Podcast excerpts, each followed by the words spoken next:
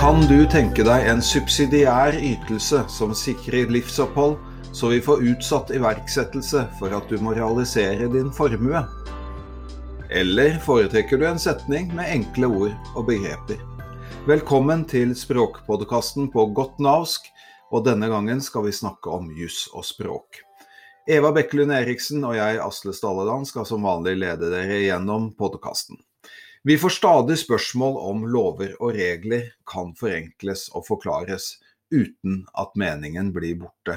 Og i dag har vi med oss tre dyktige jurister som skal hjelpe oss å svare på disse viktige spørsmålene. Jon Christian Fløysvik Nordum ved Universitetet i Oslo og Solveig Vatne ved Nav Lister er med oss. Velkommen.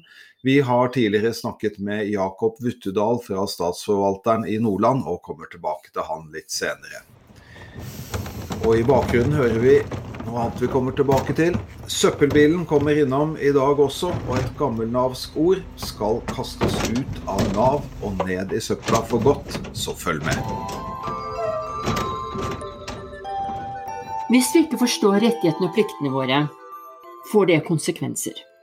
Lovene våre inneholder mange vanskelige ord og begreper, og forenkling er ofte lettere sagt enn gjort. Fordi, nettopp fordi vi alle er opptatt av at formidlingen skal være riktig og presis. Derfor ender vi opp med byråkratiske og kronglete setninger som ofte trigger irritasjon og frustrasjon, fordi de ikke forstår hva de får, om de får, og hva de selv må gjøre. Så eh, Jon Christian, kan vi forklare hva loven betyr med enkle ord, slik at alle kan forstå hva loven betyr, og kutte de vanskelige ordene i lovteksten? Ja, et stykke på vei så må man gjøre det. Man må forklare hva loven går ut på, sånn at den er forståelig for de den gjelder, så de kan gjøre det de må gjøre, eller at de kan få de rettighetene de trenger å få. Og så er det jo noen fallgrupper man må være oppmerksom på. Man må jo f.eks. ikke villede noen til å tro at de har rettigheter de ikke har, eller villede noen til å tro at de ikke har plikter de har. Det siste er jo veldig viktig. Og Derfor er det jo viktig at man da tenker på den oversettelsen, og hva er det som kan gå galt. Ja, Solveig, du jobber jo på et Nav-kontor med menneskene i eh, disse ulike livssituasjonene. Og, og, og, hva er eh, de største utfordringene for dere i hverdagen? Jeg tenker at En av de største utfordringene er at folk ikke forstår. Altså De får et vedtak, de kommer til oss for å få hjelp til hva betyr dette egentlig. Og så er det av og til at vi heller ikke forstår. Og så bruker vi jo et vanskelig språk, og vi formulerer oss på dumme måter, for å si det rett ut. Eh, F.eks.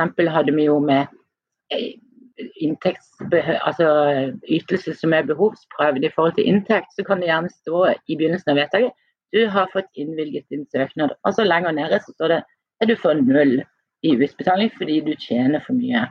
Og Det er jo ikke logisk for folk. De ser det som står øverst, og så tenker de jeg har fått det. Og så å nei, fikk du visst ikke allikevel.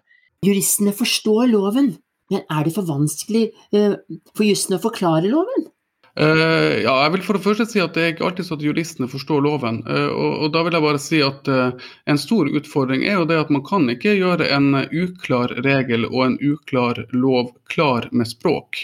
Og Det er veldig viktig å huske på.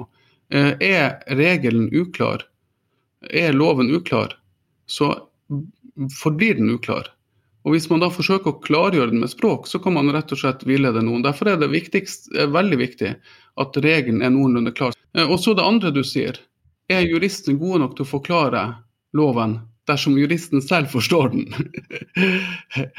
og det tror jeg ikke juristen er. Eh, og vi, altså vi, eh, vi læres ikke opp til det på studiet. Å forklare regler i, overfor folk som ikke har juridisk utdanning. Da må jeg følge opp med et spørsmål, Jon Christian. Det. Må vi ha med de vanskelige ordene og begrepene for at loven skal bli forklart riktig og presist? Eller er det redsel for å gjøre feil som gjør at vi bruker et vanskelig språk? Eh, jeg vet om mange mange tilfeller der loven er, er relativt klar og relativt lett forståelig, men hvor man med resten av forvaltningsspråket forvansker loven.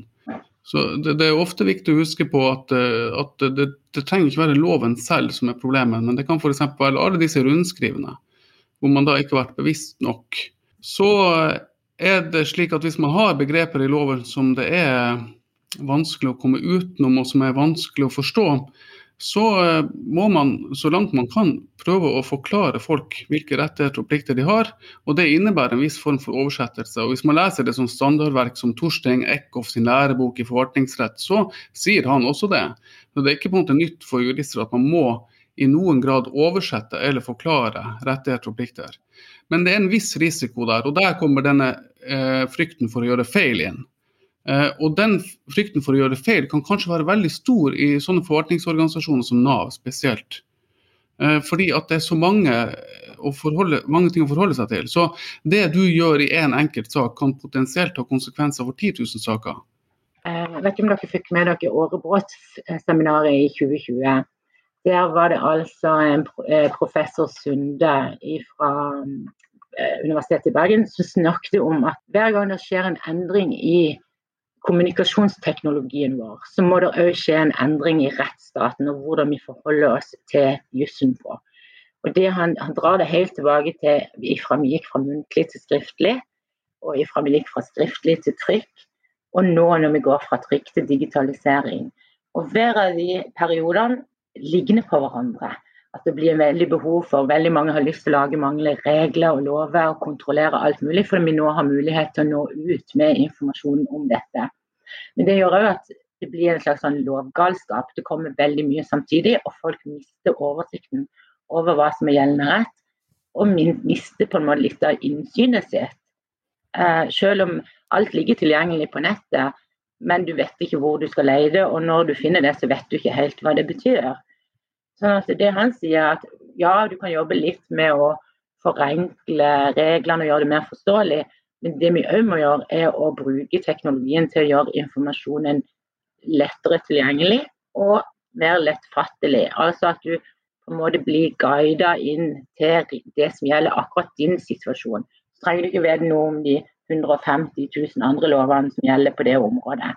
Og dette jobber jo Nav med hele tida vi drømmer jo om at i framtida, når du har fått et barn, så skal du få en SMS før du kommer ut av sykehuset der det står ja, vi ser at du har fått barn, vil du ha foreldrepenger? Trykk ja. For den som sitter på det enkelte Nav-kontor i hverdagen og møter ekte mennesker som man skal tolke vanskelige lover for, har dere noen uh, tips? Hva, hva, kan vi gjøre i dag for å gjøre det enklere? Nei, Vi skal jo liksom ha alt med i dette vedtaket, da, fordi at vi er jo forplikta til å informere om hvilket lovgrunnlag som ligger til grunn for den, den vurderinga vi har gjort. Samtidig så tenker jeg at selve vedtaket kunne vært en mye mer muntlig form og mye mer straight to the point. Dette er det som du får, det er dette det betyr for deg. Og så kunne du omtrent leie en link til de aktuelle lovene og reglene hvis du ville undersøke nærmere. Så kunne du på en måte så slapp du å ha det i samme dokument. For det er jo noe med at det blir for mye. Det blir for mye informasjon. Vi hører jo stadig om folk som sier ja, la oss bare de tre første setningene, og så gikk rullegardinen ned. Så jeg vet ikke hva som sto på side fem og seks. For det er bare sånn pjatt i de sine øyne. Eh, altså jeg vil jo knytte det an til det som Solveig her tok opp, og det er jo digitaliseringen. altså Den forelesninga til Jørnar Øyragen Sunde, så prater han jo om den overgangen som vi nå står inne i, som er overgangen til digitaliseringen. Og Nav står overfor en voldsom digitalisering. Uh, og Så langt så har veldig mange av de styringsdokumentene fra staten som omhandler digitalisering og kunstig intelligens generelt, og også for Nav, omhandler det potensial som ligger i å effektivisere gjennom digitalisering. Men jeg vil jo fremheve digitalisering som en mulighet til å styrke rettssikkerhet, styrke autonomi, gjøre det enklere å forholde seg til et komplekst tech-system, gjøre det eh, lettere å forholde seg til Nav som organisasjon. Så Det er jo en sånn generell utfordring jeg tenker Nav, eh, Nav må leve opp til. Og det å finne rett og slett ut hvordan man kan hjelpe folk med den nye teknologien. Mange av de som får sosialhjelp, sliter med å forstå vedtakene de får fordi de ofte kan være både byråkratiske, fulle av lovtekst og omstendelige. Statsforvalteren er både klageinstans og tilsynsfører i sosialsaker. Vi snakket nylig med Jakob Wuttedal hos Statsforvalteren i Nordland, og som også har jobbet i Nav, både i arbeid og ytelse og klageinstansen. Og vi spurte han hva han syns om sosialvedtakene, og hvorfor folk har problemer med å forstå vedtaket. Jeg vil tro eh, at Eh, en av de viktigste grunnene er et litt tungt eh, språk. Det kan, være litt, eh, kan nok tenkes at det er litt byråkratisk. Jeg vil da eh, dra en liten, en liten, tanke over til, til, at jeg tror en del sosialvedtak skrives ikke nødvendigvis til denne personen som mottar vedtaket, men kanskje de skriver det for den personen som skal godkjenne vedtaket. Eller kanskje til og med til oss hos statsforvalteren. Så det kan være litt uh, for dem som mottar sosialvedtaket, da, så kan det være litt sånn fremmedlig språk. Det kan være litt sånn uh, Det kan være litt langt, det kan være mye lovtekst. Det kan også være litt litt sånn uh, litt uklart hvorfor det står alt det som står. fordi noen sosialvedtak kan også være litt sånn et slags oppsummeringsnotat av møter og lignende. Eh, og det kan jo de stille spørsmål til hvorfor er jeg der. Eh, Jakob, mange saksbehandlere ved Nav-kontor oppfatter at statsforvalteren mener at lovtekstene må være med. Er dette riktig? Jeg kan jo bare snakke for mitt eget embete, da. Eh, og, og, da vil jeg si at personlig, som jurist, og etter å ha jobba ganske som du, som du er innom, litt forskjellige plasser i, i det offentlige, så, så tenker jeg at lovtekst bør være med. Men, og det her er da den store liksom, mennet, eh, jeg ville ikke ha plassert det midt i vedtaket øverst i utheva skrift, hele, hele, lovteksten. Jeg ville ha tatt det med som et vedlegg bakerst.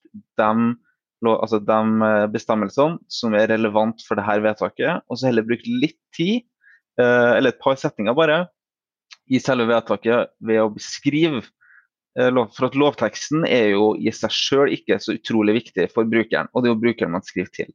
Eh, men innholdet i bestemmelsen det kan være viktig, men det kan man gjerne skrive eh, det kan man ofte skrive på en bedre måte enn det som står i loven. For den kan ofte være litt utdatert. Da er du inne på noe som er helt sentralt i hvordan vi formidler. Som sier at vi skal forklare loven, men ikke, inn, ikke gjengi den ordrett. Ikke klipp klippe og lim inn lovtekst. Mange opplever dette som at dette er litt vanskelig, fordi de stiller seg spørsmålet kan vi forklare og forenkle uten at det går på bekostning av meningsinnholdet. Der vil jeg, vil jeg svare et eh, soleklart ja. Det kan man absolutt. Det var en, en smart lærer en gang som sa til meg at, uh, at, jo bedre man skjønner noe, eller forstår noe, jo lettere kan man forklare det. Uh, og jeg tror også da juss er intet unntak. Takk. Eh, begrepet livsopphold er helt sentralt i sosialhjelploven. Og, og dette er jo et gammeldags ord som er vanskelig å forstå for mange. Kan vi bytte det ut, eh, og i så fall hva kan det erstattes med? Jeg vil gå så langt sånn at ikke bare bør man bytte ut, eh, eller ikke bare kan man bytte ut, men man bør bytte ut. Beklager. Jeg ville da ha bytta det ut med med levekostnader, hvis man snakker om, om eh, livsopphold og, og hvilke måte, utgifter og ting som går inn i det begrepet. Eh, da føler jeg at levekostnader er et bedre begrep. Det er mer sånn intuitivt forståelig, hvis man leser det for første gang, f.eks. Takk til Jakob Wuttedal hos Statsforvalteren i Nordland, eh, som altså vil bytte ut begrepet livsopphold med levekostnader i sosialvedtakene. Eh, Solveig, jeg har et eh, spørsmål til deg, og det er Jeg hører stadig dedikerte, fordi vi møter jo mange veldig dedikerte Nav-medarbeidere rundt omkring i landet. Og de fortviler ofte over hvordan de føler seg nærmest sagt presset til å skrive arbeidsevnevurdering og sosialvedtak med, de ordene og begrepene som det, gjør det vanskelig å, vanskelig å forstå. Og så er det flere som spør har vi gått oss bort? Har vi glemt hvem vi skriver til? Og hensikt med det vi skriver. Jeg tror i hvert fall at Nav kan bli flinkere til å spørre seg hva, hvilke ting er det vi gjør som er nyttig for de som vi følger opp. Fordi at Hvis ikke det er nyttig for de, eller nyttig for oss veiledere, eh, så burde vi ikke gjøre det. Mm. Og Det er mange ting vi gjør i Nav som jeg personlig mener bare er nyttig for systemet. Og som burde kunne løses på en annen måte. Kan du nevne et eksempel? Ja, det er jo et eksempel, tenker jeg. At, eh, jeg tror ikke at brukeren eh, er så veldig opptatt av denne arbeidsevnevurderinga. Jeg tror ikke Nav klarte oss helt fint før vi fikk den. Eh, det er et dokument som er rigga for systemet. Og da, Det er jo noen utfordringer med arbeidsevnevurdering. At det er jo ikke et bra dokument. Vi sitter jo gang på gang og prøver å forenkle det og forbedre det. og gjøre det bedre. Men kanskje noe av utgangspunktet er at det er et dårlig at målgruppa er ikke helt klart definert. For det er et, eh, et dokument som skal tjene to herrer. skal gå til den som uh, vi følger opp. Så skal det gå òg i systemet i forhold til en vilkårsvurdering. Hva vil du si, Jon Christian, til det flammende innlegget til uh, Solveig her? Ja, altså jeg er helt enig. Det er veldig viktig å være opptatt av hvilken funksjon, altså hvorfor. Hvorfor man skriver det man skriver i et vedtak som retter seg ut til en borger. Eh, så nyttig for systemet, det var egentlig en veldig god tankeknagg. Altså Skriver man dette fordi at systemet på en eller annen måte avkrever det av oss, eller fordi at systemet, eh, det er nyttig for systemet, så burde det kanskje ringe noen sånne bjeller. da, At dette er ikke noe som nødvendigvis er like nyttig for en borger, en, en bruker. Så jeg tror at man bare er kritisk til eh, Det som er altså en utfordring ved et vedtak, er at vedtaket skal tjene flere funksjoner. Det skal f.eks. være grunnlag for overprøving av et vedtak. Det skal i, i noen tilfeller være grunnlag for en domstolskontroll av et vedtak. Det skal være grunnlag for en forvaltningspraksis. Det er mange funksjoner vedtak har. Men den funksjonen det har overfor den som mottar vedtaket, er en, en bestemt funksjon. Og det er ikke all informasjon som nødvendigvis er like viktig for den personen. Da er vi klare for Jeg syns jeg hører søppelbil i bakgrunnen her. Eh, Jon Christian, du har, får den gleden av å kaste et ord eller begrep i søpla. Vær så god. Ja, det er jo en stor ære. Uh, og jeg har jo um, jeg har lest ualminnelig mye lover og sånn i mitt uh, som en følge av mitt yrke. Så jeg, jeg, er bevisst at jeg selv kan bli sveiseblind når det gjelder lover, ord og uttrykk i lover og forskrifter, og hvor lett de er å forstå. Jeg tror at generelt så er det viktig at man ikke baserer seg fullstendig på sin egen språkforståelse. Så jeg har også da konsultert litt på sosiale medier. Spurt Twitter-folk hva de syns om Nav sitt ord, navske ord og uttrykk, og også spurt noen kollegaer. Og sammen med mine egne ord og uttrykk som jeg syns er litt, uh, litt vanskelig å forstå, så har jeg etter hvert kommet frem til en konklusjon. Eh, jeg vil jo si at alle sånne konstruksjoner med aktivisering, gradering, kompensasjonsgrad, innsats, alle sånne typer konstruksjonsord syns jeg er veldig fremmedgjørende. Men jeg har ikke valgt et sånt ord. Det ordet jeg har brukt, valgt, det er rett og slett ordet nærstående. Eh, nærstående det er et ord som ikke har en klar referanse i allmennspråket. Så når, Hvis vi tenker ut ifra allmennspråket, så er det ikke lett å forstå hva man mener med nærstående. Altså Noen som står deg nær, ja vel, men hva er egentlig det? Og så ser jeg at i lovverket så er det ulike definisjoner av det. I aksjeloven så kan f.eks. et selskap være nærstående. I Nav sine tekster så er nærstående brukt litt ulikt i ulike tekster. Stort sett så er det snakk om familiemedlemmer i en forstand. Og jeg tror at man i mange av disse tekstene kunne komme seg langt med å brukt ord som f.eks. familiemedlem, nært familiemedlem, eller bare sagt hvilke familiemedlemmer det er tale om. Eller hvis det er snakk om nære venner eller folk man har veldig veldig tett kontakt med, så kunne man også sagt det. Det som også er med nærstående, er at det gir en litt sånn uhyggelig byråkratisk følelse, syns jeg. Nærstående. Ja, Så den kaster jeg i søpla. Og Da skal jeg også si takk til min kollega professor Ingunn Ikdal for å, for å foreslå det som et ord som kunne kastes. Tusen takk. Det er vel et ord vi gjerne hiver i søpla, Eva? Og mer enn gjerne. Solveig, det blir ingen sorgprosess hos deg heller over at det ordet går i søpla? Nei, overhodet ikke. Og jeg tenker, Det går jo akkurat inn i det der. Hva menes det egentlig? Og Hvis vi skal forklare det til folk flest, så må vi jo være mest mulig konkrete.